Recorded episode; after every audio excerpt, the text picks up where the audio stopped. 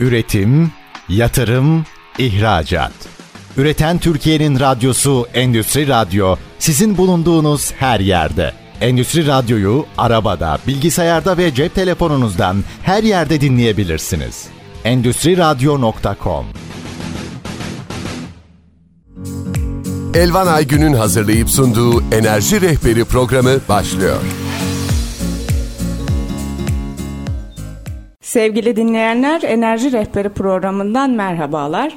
Bugün enerji sektöründe çok kıymetli bir konuğumuz var. Bizimle birlikte olacak. Özellikle kamuda, özel sektördeki tecrübeleriyle birlikte bize enerji sektörünün hem iletim, hem dağıtım, hem üretim kısmından bahsedebilecek ve tecrübelerinden bahsedecek. Mensis Enerji Yönetim Kurulu Abdullah Atalay bugün bizlerle. Efendim hoş geldiniz. Nasılsınız? Hoş bulduk Elvan Hanım. Teşekkür ederim bu nazik davetiniz için. Sizinle birlikte olmak gerçekten mutluluk verici. Sizi bugün burada ağırlamak bizim için bir şeref. Özellikle enerji sektörünün de çok hareketli olduğu bugünlerde aslında biraz sizden bahsedebilirsek sonrasında ben sorularımla sizi birazcık yormak isterim. Elvan Hanım ben e, elektrik mühendisiyim. 1991 yılında Türkiye Elektrik Kurumu'nda işe başladım. Mardin, Van ve Ağrı illerinde belirli kademelerde görev yaptım. Sonra İzmir'de TEDAŞ Bölge Müdürlüğü 2006-2008 arasında TEDAŞ Genel Müdür Yardımcılığı 2008-2015 arası e, iki yılı özel sektör, beş buçuk yılda kamu olmak üzere Boğaziçi Elektrik Genel Müdürlüğü yaptım. Yine 2017'de TİH Genel Müdürlüğü'ne atandım. 2018 Haziran ayında emekli oldum ve kendi işimi kurdum. Şu anda işte özel olarak kendi işlerimi yapmaktayım enerji sektöründe. Çok teşekkürler efendim. Ben size şunu sormak istiyorum. Özellikle tecrübelerinize biyanen. Abdullah Bey, kamuda, özel sektörde birçok alanda çalıştığınız için Türkiye'deki enerji sektörünün ivmesini nasıl buluyorsunuz? Sizce olmamız gereken yerde miyiz yoksa aslında yapmamız gereken başka şeyler de var mı? Ya da en yakın işte Avrupa kendimizi mukayese edebileceğimiz yakın bir lokasyon olduğu için orayla da mukayese edebiliriz. Yoksa da kendimizi de değerlendirebiliriz kendi başımıza. Ne durumda Türkiye'de enerji sektörü? Öncelikle biraz dünya ile ilgili genel bir bilgilendirme yapalım. Bugün dünyada 5 ülke toplam dünya elektriğinin %58'ini tüketmekte. Bunun başında Çin geliyor ve yaklaşık %30'a varan bir oranla arkasında Amerika %15'i geçen bir oranla bu bu kadar enerjinin yoğun kullanıldığı 5 ülke dikkate alındığında gerek Avrupa'da gerekse Türkiye'deki enerji üretiminin çok görece çok daha büyük oranda olduğunu söylemek e, mümkün değil. Ama Türkiye'de de tabii enerji görünümüne baktığımızda çok ciddi değişiklikler olduğunu görüyoruz. Sonuçta 2002 e, ile 2022 yılları arasında yaklaşık yüzde 3 nokta pardon 3.3 katlık bir enerji kurulu güç artışı var. Üretimde de yaklaşık 2,5 kat bir artış var son 20 yıl içerisinde. Türkiye mevcut kurulu gücü itibare alındığında, hali hazırdaki kurulu gücü dikkate alındığında öncelikle enerji arz güvenliği konusunda çok ciddi bir güvenlik sağladığını söyleyebiliriz.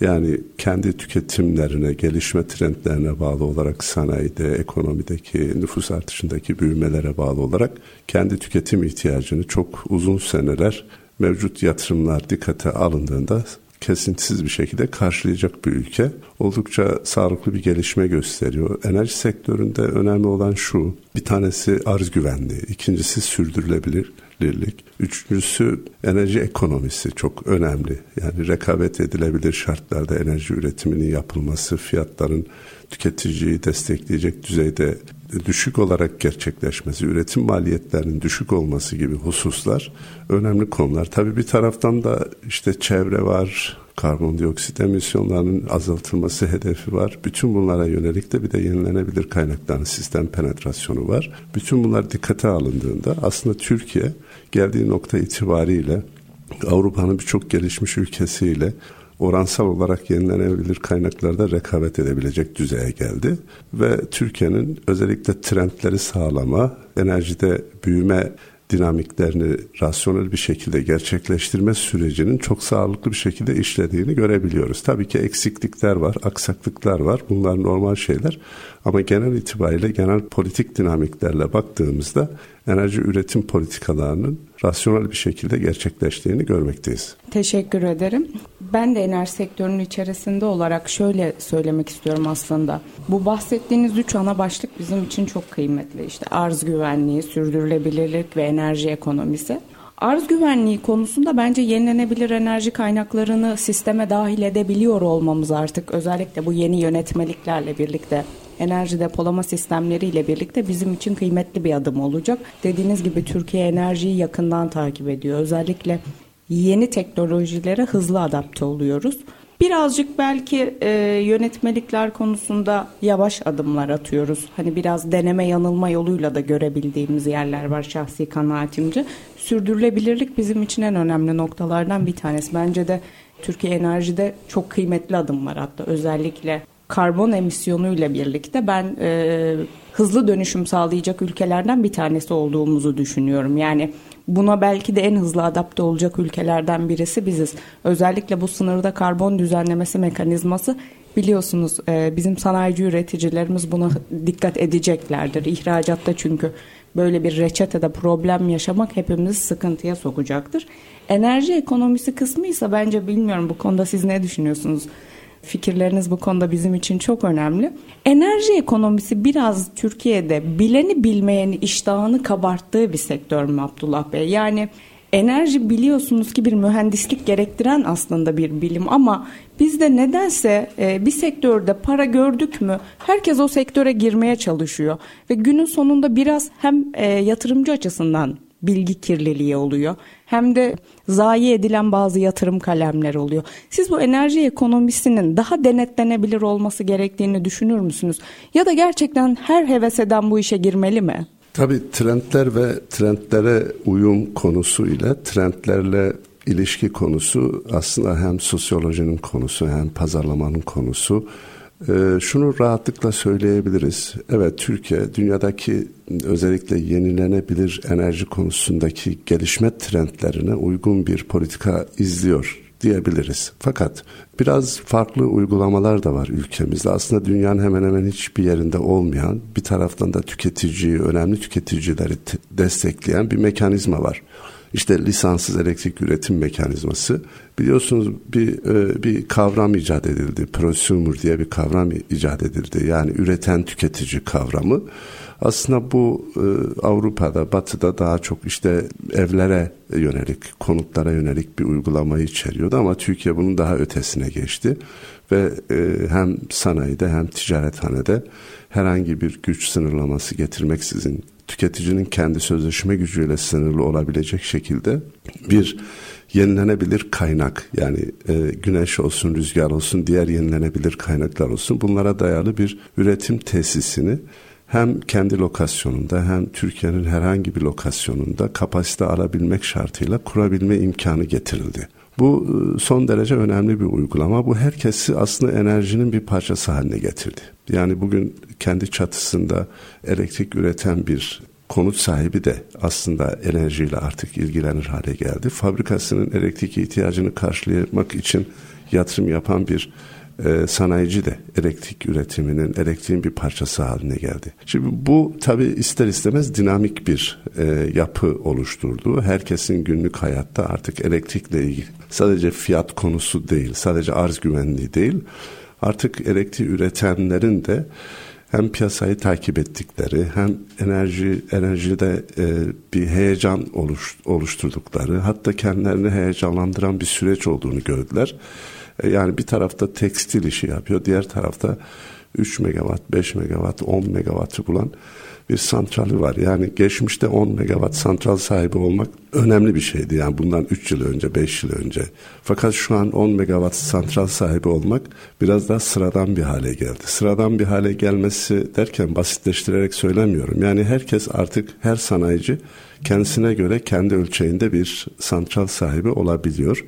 Bu önemli bir husus. Ee, dolayısıyla hemen hemen herkesin artık enerjiyle tırnak içerisinde söylüyorum ilgilendiği bir yapı oluşmaya başladı. Bu e, bir taraftan da bir bir taraftan da bir farkındalık oluşturuyor. Yani siz enerji politikalarınızı yaparken, fiyat politikalarınızı yaparken, gelişme e, trendlerinizi, gelişme vizyonunuzu ortaya koyarken artık hemen hemen toplumda herkesin bir oranda üretici sayıldığı bir yapıda onların da bir etkileşim içerisinde olabileceğini dikkate alarak daha sağlıklı, daha e, rasyonel politikalarla enerjiyle enerji süreçlerini yönetme imkanını bulabilirsiniz diye düşünüyorum. Çok güzeldi Abdullah Bey. Çok teşekkür ederim vermiş olduğunuz bilgilerle ilgili. Özellikle bu konuda da biliyorsunuz e, geçtiğimiz dönemlerde de bununla alakalı yeterince önlem de alındı. Öz tüketim konusunda da bazı sistemdeki açıkları kötü niyetli kullananlar vardı. Bunlarla alakalı da bazı sorunlar giderildikten sonra bence sektör çok daha güzel bir hale geldi diye ben naçizane düşünüyorum. Bunlar hepsi olurken tabii ki şöyle bir şey demek mümkün mü? Yerinde üret kısmını mesken geslere yaydığımızda yani özellikle hane halkının kendi enerji üretimini arttırdığımızda sistemde bir problem yaşar mıyız? Kısaca bunun cevabını aslında almak istiyorum. Biliyorsunuz önümüzde yavru vatanda böyle bir küçük problemler oluyor özellikle neredeyse devlet hane halkına borçlu durumda bu mahsuplaşma ve mesken geslerden dolayı. Bu bizde de bazı handikaplar doğurur mu? Şimdi burada e, özellikle bu intermittent dediğimiz kesintili kaynakların sistem penetrasyonunda iki temel başlık var. Bir tanesi dağıtık üretik dediğimiz özellikle dağıtıma gömülü üretimlerin sistem üzerine etkileri. Bir tanesi de iletim sistemine bağlı master düzeyde e, kesintili kaynakların sisteme etkisi.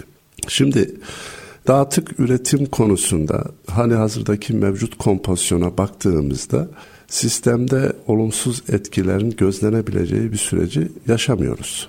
Ve yaşama ihtimalimiz de çok düşük. Burada tamamen özellikle dağıtım üretimin entegre yönetimi çok önemli. Bu konuda dağıtım şirketleri zaten gerekli çalışmaları yapıyorlar ve ben inanıyorum ki EPDK öncülüğünde bu çalışmalar e, son derece kapsayıcı bir e, hale gelir. Fakat esas önemli olan dağıtık üretimin üzerinde yenilenebilir kesintili kaynakların sisteme entegrasyonu. Burada en önemli kavram atalet kavramı. Atalet kavramı özellikle e, senkron jeneratör sistemlerin bulunduğu fosil yakıtlar yani kömür olsun, doğal gaz olsun, yine yenilenebilir kaynaklardan hidrolik olsun, nükleer yok, nükleer devreye girdiğinde nükleer olsun. Bu tür bu tür e, sistemde yer alan senkron jeneratörler kendi potansiyel bir kinetik enerji barındırıyorlar. Bunlar sistemde özellikle ani frekans değişimlerine yol açabilecek üretim ve tüketim dalgalanmalarında sistemin e, düşüş frekans düşüş hızını veya yükseliş hızını e, yavaşlatabilecek etkilere sahipler. E, yenilenebilir kaynaklar e, da özellikle kesintili olanlar rüzgar ve güneş bunlar invertör bazlı kaynaklar. Yani güç elektronik sistemiyle yönetilen kaynaklar. Dolayısıyla buralarda tabi bu oranlar arttıkça sistemin genel ataleti de oransal olarak düşmüş oluyor. Fakat buna yönelik de bir sürü teknolojik çözümler oluşmaya başladı. Ve yani siz sisteminizde işte ne kadar rüzgar, ne kadar güneş sisteme entegre ederseniz edin. Bunlar için de aslında artık teknolojik çözümlerin hayata geçtiğini görüyoruz.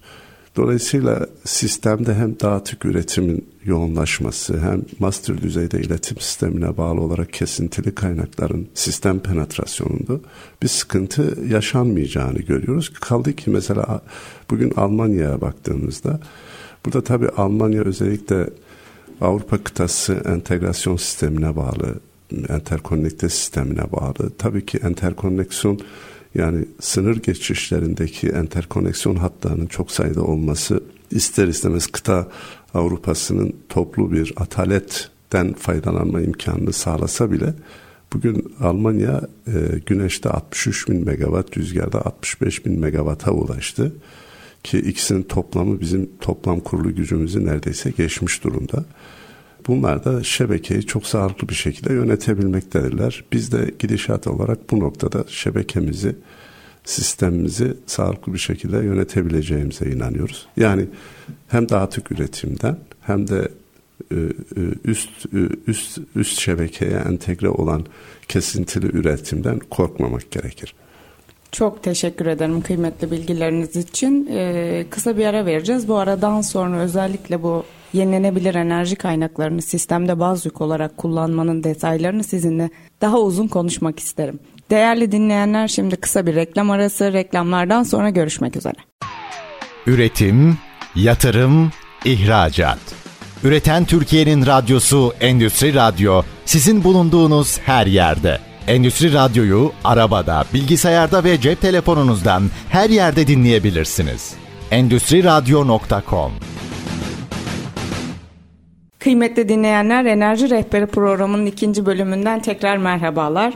Bugün enerji sektörünün duayenlerinden Mens Enerji Yönetim Kurulu Başkanı Abdullah Atalay bizlerle.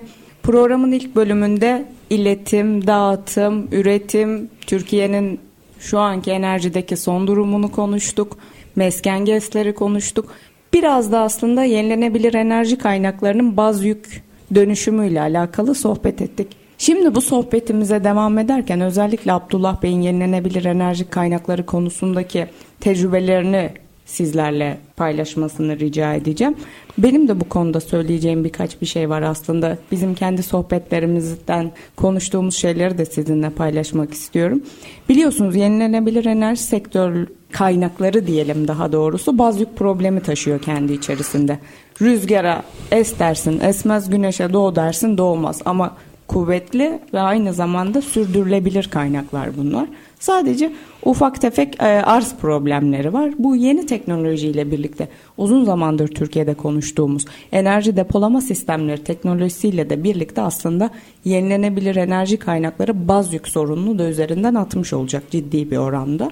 Özellikle bununla birlikte Sistemin arz güvenliği arttığında yenilenebilirin kurulu gücünün çok hızlı artmasını bekliyoruz Abdullah Bey. Sizin bu konuda sektörden beklentileriniz neler?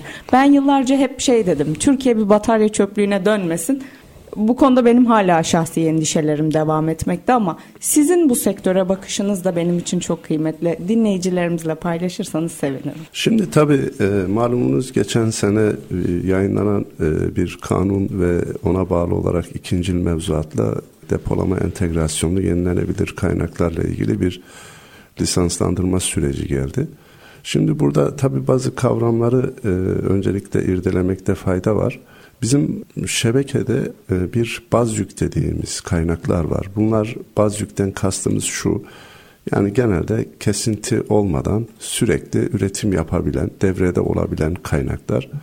Zaten bu tür kaynaklar e, işte doğal e, daha doğrusu kömür santralleri, nükleer santraller. Ama doğal gaz santralleri de aslında bir anlamda baz yük gibi çalıştırılabiliyor. Bizim Türkiye üretim profiline baktığımızda doğal gaz ve hidrolik santraller de aslında değişken esnek santraller olarak çalışıyorlar ve bunlar özellikle tüketim ve üretim arasındaki tamamlanması gereken boşluğu tamamen biz doğal gaz ve hidrolik potansiyellerle bu esnekliği sağlayarak gerçekleştiriyoruz. Şimdi bu depolama konusunda e, özellikle depolama ihtiyacı şuradan kaynaklanıyor depolamayla üretimin formatını baz yük moduna getirmek değildir aslında temel hedef. Bizim özellikle bu değişken üretim dediğimiz yani e, rüzgar ve güneş kaynaklarının toplam sistemdeki miktarı ve günlük tüketim eğrisini dikkate aldığımızda bu günlük tüketimin bu e, iki kaynaktan karşılanması neticesinde ortaya çıkabilecek net yük eğrisinin aslında bize depolamaya nedenli bir ihtiyaç duyduğumuzu ortaya koyabiliyor. Mevcut esnek kaynaklarımızla biz ortaya çıkan net yük eğrisinin boşluklarını, aralıklarını doldurabilirsek depolamaya ihtiyacımız olmaz. Ama dolduramadığımız zaman depolamaya ihtiyacımız oluyor. Zaten bu anlamda birkaç sene sonra depolamanın sistemin bir gereksinimi olarak ortaya çıkması yani sisteme entegre edilmesi gerektiği bir zorunluluk. Türkiye'de bu anlamda bir hazırlık yapmış oldu. Burada özellikle depolamada işte hem yan hizmetler alanında yani sekonder ve primer frekans kontrolünde depolamanın kullanılması, bizim işte e, zaman değiştirme dediğimiz, zaman kaydırma dediğimiz time shifting konusunda belli e, zamanları kaydırarak hem doğalgaz hem ithal kömürlere olan ihtiyacı belki e, azaltma anlamında depolamayı yenilenebilir kaynaklarla depolamayı yapıp ve onların tüketileceği, onlardan üretimin yapılacağı saatlerde discharge edilmesi konusu e, hedeflenebilecek bir konu. Ve artı tabii e, bu değişken üretimin toplam e, miktarı talep eğrisini geçmeye başladığı zaman o zaman ciddi manada bir depolama ihtiyacı ortaya çıkacaktır. Bizim de Türkiye'deki mevcut üretim senaryolarına baktığımızda zaten kesintili kaynakların sisteme entegrasyonu konusunda çok ciddi bir yol haritası izlendiğini görüyoruz. Ve sürekli e, bakanlık kapasite ilan ederek hem sanayiciye hem e, ya üreticiye enerji yatırımları yapması konusunda ciddi teşvikler vermekte. Dolayısıyla biz bu depolama konusu henüz daha sisteme geçmiş bir e, yapıda değil. Zamanla sisteme geçecek. Bir depolama çöplüğü ifadesini bu anlamda kullanmak doğru değil diye düşünüyorum. Tabii bu batarya teknolojilerinin hayata geçirilmesi, sisteme entegrasyonu konusunda da çok ciddi bir koordinasyon gerekiyor. Gerek teknoloji olarak, gerek bunların kullanım amaçları olarak, gerek sistemle entegrasyonu olarak, gerek bütün master düzeyde sistemde yönetimi yani her üreticinin kuracağı depolama altyapısının genel sistemle entegrasyonu vesaire bütün bunlar dikkate alındığında tabii kolay bir iş değil ama bunlar da zaman alacak. Her halükarda bugün artık depolama sistemin bir ihtiyacı, bir gereksinimi ve hemen hemen bütün ülkeler bu anlamda depolamayı kullanıyorlar. Hatta batıda özellikle e, fiyat e, arbitrajı açısından da evsel anlamda da çok yoğun bir şekilde depolama kullanıldığını görüyoruz.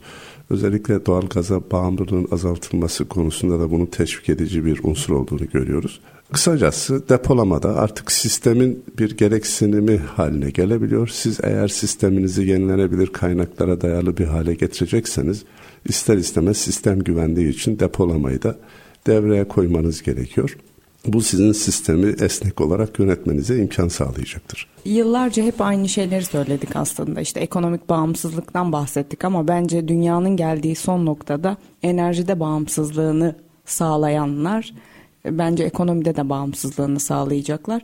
Benim naçizane görüşüm bence dünya enerji savaşları yapacak ilerleyen dönemlerde. Belki su savaşlarının yanında elektrik çok kıymetli. Özellikle dijitalleşen ve her şeyin artık enerjiye dönüştüğü bu dünyada ben çok kıymetli buluyorum enerji sektöründe yatırım yapan ülkeleri özellikle. Çünkü biliyorsunuz artık hayatımız çok hızlı değişiyor. İşte elektrikli araçların hayatımıza girişi, kendine yetebilen evler, işte neredeyse Nesep'ti zannediyorum yanlış bir şey söylemek de istemem ama neredeyse sıfır enerjili binalar yani artık kendi tüketimini kendi üreten binalarla birlikte enerji depolama sistemleri hayatımızın olmazsa olmazı olacak. Burada sizin de az önce söylediğiniz gibi çöplükten kastım aslında o değildi. E, depolamayla alakalı bir sıkıntım yok. Sadece her batarya e, bizim sistemimizde arz güvenliği sağlar diye bir şey yok. O konuda teknolojisi çok kıymetli bir teknoloji. Biliyorsunuz yanılmıyorsam Avustralya'daydı en son bir e, depolama tesisi patladığında. Bunlar korkutucu. O yüzden birazcık güvenlik önlemlerinin arttırıldığı, özellikle iyi üretilmiş test raporlarının gerçekçi olduğu çünkü biliyorsunuz neredeyse batarya üretiminin %85'i şu an dünyada uzak doğuda Çin'de üretilmekte ve kaliteli bataryayı da onlar üretiyor. Yani onlarda da her tip her kalitede batarya var. Burada kullanacağımız enerji depolama sistemlerinde özellikle bataryanın kalitesi, test raporları bizim için çok kıymetli. Allah korusun. Hiç kimse e, kötü bir sonuç yaşamak istemez bunun. Yani bunun dağın başında patlayacağı diye bir şey yok. Şehrin içinde de çok merkezi bir lokasyonda da bir sıkıntı olabilir. Bunun daha en başta iyi denetlenmesi gerektiği konusunda ben endişelerim var. Onu söylemek istemiştim. Bunun dışında şöyle diyebilir miyiz Abdullah Bey? O konuda benim kendi şahsi merakım da var. O yüzden sizin tecrübeniz benim için kıymetli. Biliyorsunuz biz elektriği destekliyoruz. Yani fiyatlar olması gerektiği yerde değil. Taşlamayın efendim lütfen beni öncelikle sevgili dinleyenler. Biz Avrupa'dan ucuza elektrik kullanıyoruz. Yani üreticiyi desteklemek, belki de elektrik fiyatlarının olması gerektiği yere getirmek, biraz da yatırımcıyı yatırımdan yana elini güçlendirmez mi? Sanki geri dönüş süreleri enerji yatırımlarında hala uzun gibi. Siz bu konuda ne düşünüyorsunuz? Yani tabii e, enerji yatırımları ile ilgili fizibilite çalışmaları yaparken e, mevcut güncel elektrik fiyatlarını referans almamak gerekir. Yani bir taraftan kendi üretim kompozisyonumuzu, üretimdeki gelişmeleri dikkate almamız gerekiyor. Diğer taraftan işte büyümemizi dikkate almamız gerekiyor. Bunlarla beraber işte e, arz güvenliğini dikkate almamız gerekiyor. Temel bu parametreleri dikkate aldığımızda bir elektrikte fiyat tahminlemesi yapmak kolay. Yani çok zor değil. Önümüzdeki 5 yıl içerisinde 10 yıl içerisinde işte mevcut üretim dinamikleri dikkate alındığında, büyüme senaryoları dikkate alındığında elektrik fiyatlarının nasıl gelişebilecekleri, gelişebileceği ve özellikle üretim kaynak maliyetlerinin dikkate alındığında nasıl gelişebileceğini öngörmek mümkün. Fakat tabi bazen konjonktürel sebepler geçici sebepler enerji fiyatlarını çok dramatik bir şekilde etkileyebiliyor. Yani işte 2020'nin sonundan itibaren başlayan, 21'den itibaren başlayan bir bir gaz ve kömür, ithal kömür problemini yaşadık. Ve bu ülkemizde de elektrik fiyatlarını serbest piyasada neredeyse hani 20 sentin üzerine çıkardı. Şimdi bunlar tabii geçici durumlar. Tamamen e, özellikle üretim yatırım maliyetlerini bu tür geçici durumlara göre e, yapmamak gerekiyor. Daha o optimize ederek bu çalışmaları yapmak gerekiyor. Hali hazırda elektrik fiyatlarının yüksek olduğunu e, söylemek e, mümkün değil. Elektrik fiyatları Türkiye'de bana göre rekabet edilebilir düzeyde. Özellikle bu sınırda karbon emisyonları ve e, vergisi konusunun e, hayata geçirileceğiyle beraber Türkiye'deki üreticilerin özellikle ağır sanayi üreticilerinin başta işte demir çelik sektörü olmak üzere bunların da kendi enerjilerini yeşil enerjiden sağlamaya yönelik çok ciddi adımlar attığını görüyoruz. Bu da önemli bir husus. Yani rekabet açısından önemli bir konu. Onun dışında biz özellikle bu e, lisanssız üretimde e, elektrik yatırımı yapılırken mevcut tarifeyi de tabii dikkate alarak e, bir analiz yapıyoruz. Mevcut tarife ve ilerideki fiyat senaryoları dikkate alındığında halihazırda bir güneş yatırımcısı yatırımını yaptığı zaman finansman maliyetleri dahil Türkiye'nin ortalaması ile ilgili söylüyorum. 6-7 sene içerisinde kendisini amorti edebiliyor. Bu aslında fena bir yatırım değildir. Tabii bugün Almanya'da belki bu yatırım bir yıl daha, bir buçuk yıl daha erken kendisini sağlayabiliyor. Oradaki fiyat, fiyatların daha yüksek olmasından kaynaklı. Ama Türkiye'de bu anlamda ben elektrik üretim yatırımlarının çok teşvik edilmesi gerektiğini, çünkü güneşte de yatırım maliyetleri hızla düşüyor. Bu da önemli bir avantaj sağlıyor ve bu dönemde de bu yatırımların hızlandırılmasında fayda olduğunu düşünüyorum elektrik fiyatlarının rekabet edilebilir düzeyde de henüz kendi yapısını koruduğunu düşünüyorum. Ben de kesinlikle bu konuda sizinle aynı fikirdeyim. Türkiye'de bence de elektrik fiyatları hala çok rekabet edildi, edici durumda. Özellikle Avrupa'ya baktığımızda biz hala iyi fiyatları elektrik kullanıyoruz. Özellikle ben şu an geçici olduğunu düşünsem de özellikle e, güneş yatırımlarının da fizibilitesinin yani özellikle yatırım maliyetinin bu kadar düştüğü şu günlerde bunu da bir avantaja çevirip yatırımları hızlandırmak gerekiyor diye düşünüyorum. Çünkü bu geçici bir süre olabilir. Her an her şey değişebilir. Değerli dinleyenler programımıza şimdi kısa bir ara veriyoruz. Üçüncü bölümde görüşmek üzere. Üretim, yatırım, ihracat. Üreten Türkiye'nin radyosu Endüstri Radyo sizin bulunduğunuz her yerde. Endüstri Radyo'yu arabada, bilgisayarda ve cep telefonunuzdan her yerde dinleyebilirsiniz endüstriradyo.com Sevgili dinleyenler, Enerji Rehberi programının 3. bölümüne hoş geldiniz. Mensis Enerji Yönetim Kurulu Başkanı Abdullah Atalay bizlerle. Sağ olsun kendisi sektöre dair kıymetli tecrübelerini ve bilgi birikimini bizimle burada paylaştı. Şimdi üçüncü kısımda aslında biraz da enerji sektörünün bir tık kenarından sizin şirketinizden bahsetmek isterim ben.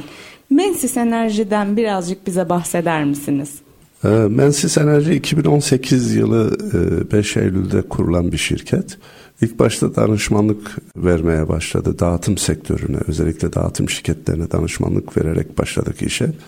Daha sonra üretim sektörüne girmeye karar verdik. Biz güneş e, enerjisine olan ihtiyacı öngörerek özellikle sanayiciler başta olmak üzere sanayicilerin elektrik tüketim ihtiyacını karşılamaları amacıyla kurmayı düşündükleri üretim santrallerini yapmayı hedefledik Mensis Enerji olarak.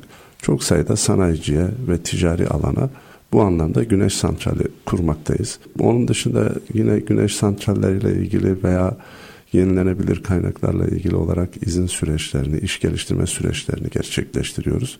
Bu anlamda sektöre katkı koymaya çalışıyoruz. Yine özellikle depolama çözümleriyle ilgili şu anda e, bir çalışmamız var. Türkiye'de hem iletim düzeyinde şebekeye entegre olacak üretim testlerinin depolama ihtiyacı hem evsel e, ticarethane ve sanayi sektöründe kullanılacak depolamalarla ilgili çalışmalarımız var. Bunlara ilgili bunlara yönelik hazırlıklarımız var. Bunları da yapmaktadır Mensis Enerji. Çok teşekkürler. Ben özellikle zaten sizin bu anahtar teslim e, modelleştirdiğiniz özellikle iş modellerini enerji sektöründe çok kıymetli buluyorum.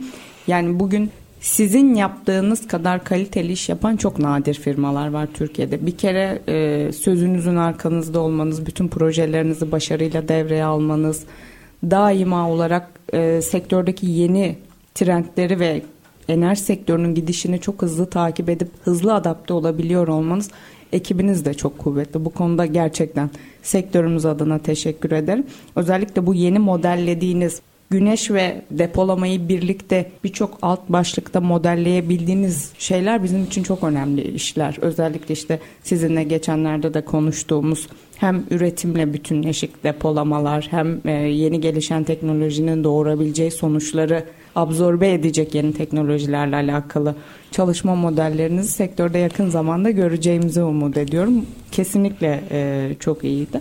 Peki Mensis Enerji ile alakalı ilerleyen dönemlerde bunların dışında bir yol haritanız var mı? Bildiğim kadarıyla aslında biraz da e, şey olarak da çalışıyorsunuz. Altta böyle gençlere bir kere çok fazla fırsat veriyorsunuz. Bu çok kıymetli. Ben ekibinizden bazı arkadaşları tanıdığım için söylüyorum ama domino taşlarında 10 yıl sonra Mensis Enerji nerede? Mensis enerji tabii temel başlık enerji tabii enerji çok üst bir başlık hem işte petrol hem doğalgaz hem elektrik hepsini barındıran bir başlık. Şimdi tabii bizim temel hedefimiz kendi e, ismimizle de böyle bir motolaştırdığımız modern enerji sistemlerinin hayata geçirilmesi. Bir kere temel hedefimiz o. Türkiye'de bunların öncüsü olmak en büyük hedefimiz o. Şimdi biz e, bir taraftan e, küçük, orta ve büyük ölçekli tüketicilere yönelik bir kısım üretim üretim çözümlerini çalışıyoruz. Bu, bu bir taraf. İkincisi Türkiye'nin e, hemen hemen en büyük akaryakıt istasyonlarından bir tanesinin özellikle şarj istasyonları altyapısını yapıyoruz. Bu da oldukça kıymetli bir çalışma. Çünkü bu elektromobilitenin hayatımıza hızla girdiğini görüyoruz. Özellikle elektrikli araçların çok sayıda artış göstermesi ve bunların enerji depolaması ile ilgili olarak sisteme olan ihtiyaçları, dağıtım şebekelerinin bu anlamda bu ihtiyaca cevap vermesi konusundaki hususlar bizim temel gündemimizi oluşturan maddeler. Biz hem dağıtım şebekesinin bu anlamdaki ihtiyaçları realize edebilecek bir yapıya kavuşması, hem bu elektromobilitenin hızla hayatımıza girişiyle beraber bundan ihtiyaç duyacağı enerjinin temin edilmesi konusunda tabii kendi görüş, düşünce ve önerilerimizi paylaşıyoruz. Bu konuda da dağıtım sektörünün de bu konuda çok ciddi bir farkındalık oluşturduğunu görüyoruz ve destek verdiğini görüyoruz. Şimdi biz tabii yeni trendlere çok e, hazırlık yapmamız gerekiyor. Çünkü enerjide özellikle verimlilik önemli bir parametre. Yenilenebilir kaynaklar önemli bir parametre. Bunlarla ilgilenerek, bunları kendi gündemimize alarak, kendi hedef kitlemizle bunları buluşturmak istiyoruz. Bu anlamda da başarılı sonuçlar elde ettiğimizi düşünüyoruz. Yani firma olarak da özellikle hem sanayicinin bu tür yatırımların e, yatırımları gerçekleştirme konusunda sağladığımız motivasyonlar, hazırladığımız fizibilite raporlarının da bunda etkili olduğunu görüyoruz. Ve biz hemen hemen büyük sanayicilerimize enerjiyle ilgili çok geniş kapsamlı bilgiler vermekteyiz. Onların artık enerjinin bir parçası olduğunu kabul ederek enerji sektöründeki dinamikleri de takip etmeleri gerektiği konusunda bir kısım paylaşımlar yapmaktayız. Bizim 10 sene sonraki hedefimiz açıkçası şu ülkemizin gelişen ve büyüyen ülkemizin ihtiyaç duyduğu modern enerji sistemlerini kendi ülke vatandaşlarımızla buluşturmak artı bunların üreticisi olabilmek, yerleştirebilmek, millileştirebilmek bizim temel hedefimiz olacaktır. Bu anlamda e, kendi ölçeğimizde ülkemizin genel politikalarına yönelik her zaman katkı sunmayı bir hedef e, edinen bir firmayız. Kendi çalışan profilimizi, vizyonumuzu, misyonumuzu da bu amaçla şekillendirdik ve e, bu çerçevede mütevazi de olsa büyümeye devam eden bir şirketiz. Özellikle dediğiniz gibi e, elektrikli araçların da hayatımıza girmeye başladığı, özellikle girmesinin de ivme kazanıp artacağı şu günlerde bence de bunun depolamayla birleştirilmesi çok kıymetli. Ben bu konuda şirket olarak yaptığınız çalışmaları bildiğim için şöyle söyleyebilirim sevgili dinleyenler. Bildiğiniz üzere elektrikli araçlar hayatımıza girdiği zaman bazı problemler olacak bunun. Şöyle düşünün. Bugün İstanbul'da en kötü sitede 100 daire olduğunu düşünün. Akşam 5'te 6'da işten çıkıp eve gittiğinizde şebekeden yüksek oranda aynı anda herkesin güç çekmeye çalışması şebekeyi çökertecek demektir. Aslında bunu böyle söylemek doğru. Çünkü altyapımız bazen bazı lokasyonlarda buna uygun kesinlikle değil. Bu yüzden de Abdullah Bey'in bahsettiği gibi bunları depolamayla birlikte kullanmak. Hatta belki onların üreteceği harmonikleri de absorbe edip sisteme vereceği zararların önüne geçmek çok kıymetli. Özellikle ben enerji verimliliği konusunda Abdullah Bey'in söylediklerini çok kıymetli buluyorum. Bizim bence bireysel olarak da, kurumsal olarak da, özel sektör olarak da, kamu olarak da enerjide verimlilik bence bizim sürekli üzerinde durmamız gereken bir konu. Üretmek evet bir şey ama verimli kullanmak, kayıpları kazanca çevirmek en önemli noktası. Çünkü üretmenin bir maliyeti var. Fakat kayıpları kazanca çevirmenin maliyeti çok çok daha düşük. Bu yüzden enerji verimliliği bizim için çok çok önemli. Peki ben bunların dışında sizde şahsınıza bir soru sormak isterim. Hiçbir kendi şirketinizi de e, bağlamayacak şekilde. Nacizane sizin hayat tecrübenize istinaden. Abdullah Bey, bugüne kadarki tecrübelerinize istinaden biz neyi enerjide yapmaya devam etmeliyiz? Neyi asla yapmamalıyız dediğiniz bir hayat tecrübeniz var mıdır bizimle paylaşmak istediğiniz? Evet çok e, beklenmedik bir soru geldi. Şimdi tabii enerjide bir kere enerji e, enerji yoğunluğu kavramı var. Yani siz e, ürettiğiniz herhangi bir emtiayı e, emtiada ne kadar enerjiyi verimli kullanabiliyorsunuz? Bu önemli bir kavram. Bir kere hani enerji yoğunluğu e, oranımızı düşürmemiz gerekiyor ülke olarak. Birincisi bu. İkincisi tabii enerjiyi gerçekten verimli kullanmamız gerekiyor. Bunu hem birey olarak verimli kullanmamız gerekiyor hem de üretim kaynaklarının yönetiminde de enerjiyi verimli kullanmamız gerekiyor. Yani diyelim ki hidrolik potansiyellerimiz var. Bu hidrolik potansiyellerimizi çok verimli kullanmamız gerekiyor.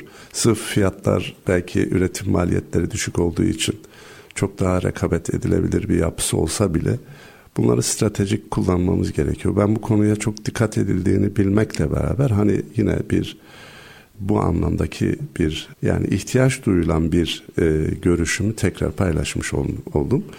Onun dışında tabii enerjiye gerçekten enerjiyi millileştirmemiz gerekiyor, yerlileştirmemiz gerekiyor. Kendi kaynaklarımızı hayata geçirmemiz gerekiyor. Aslında kendi kaynaklarımızı hayata geçirmemiz gerekir dediğimizde de temelde iki tane kaynak ön plana çıkıyor. Bir tanesi güneş, bir tanesi de rüzgar. Bu iki kaynağa yönelik ciddi yatırımlar yapmamız gerekiyor.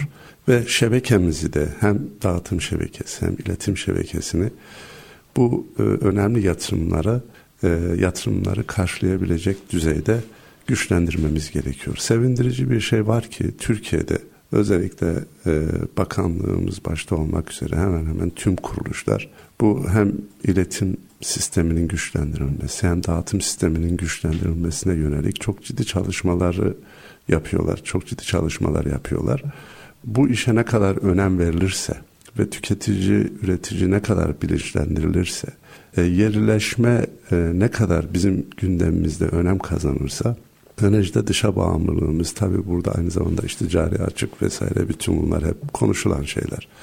Bunları tekrar etmeye gerek yok ama enerji güvenliği açısından dışa bağımlı olmaktan kurtulmuş olacağız. Biz Enerjide kendi bağımsızlığımızı tamamen kazandıktan sonra ülke olarak çok daha güçlü bir noktaya geleceğiz.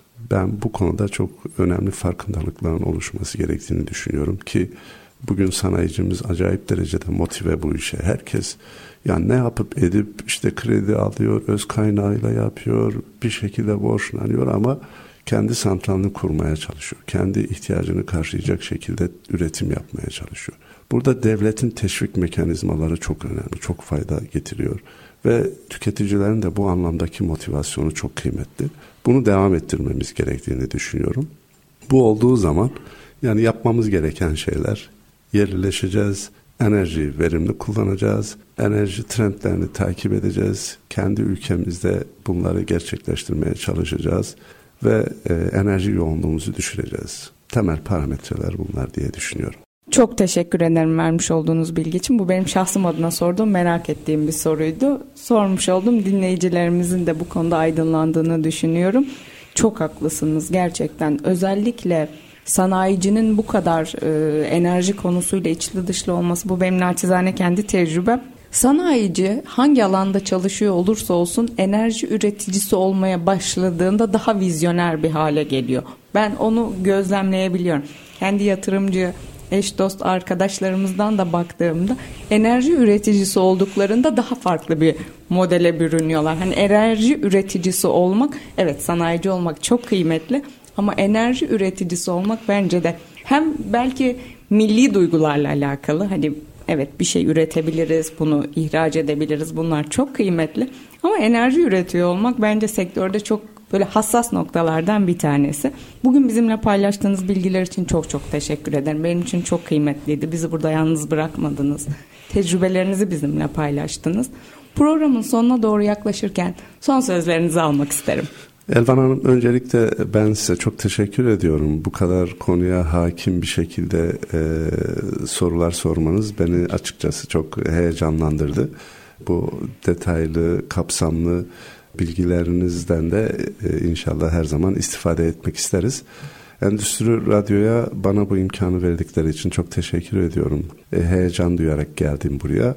Herkese bol enerjili günler diliyoruz. Çok teşekkürler efendim. Enerji Rehberi programının sonuna geldik. Kıymetli Mensis Enerji Yönetim Kurulu Başkanı Abdullah Atalay'a çok teşekkür ederiz. Yeniden görüşmek üzere bir sonraki programda. Hoşça kalın, sevgiyle kalın, enerjiyle kalın efendim.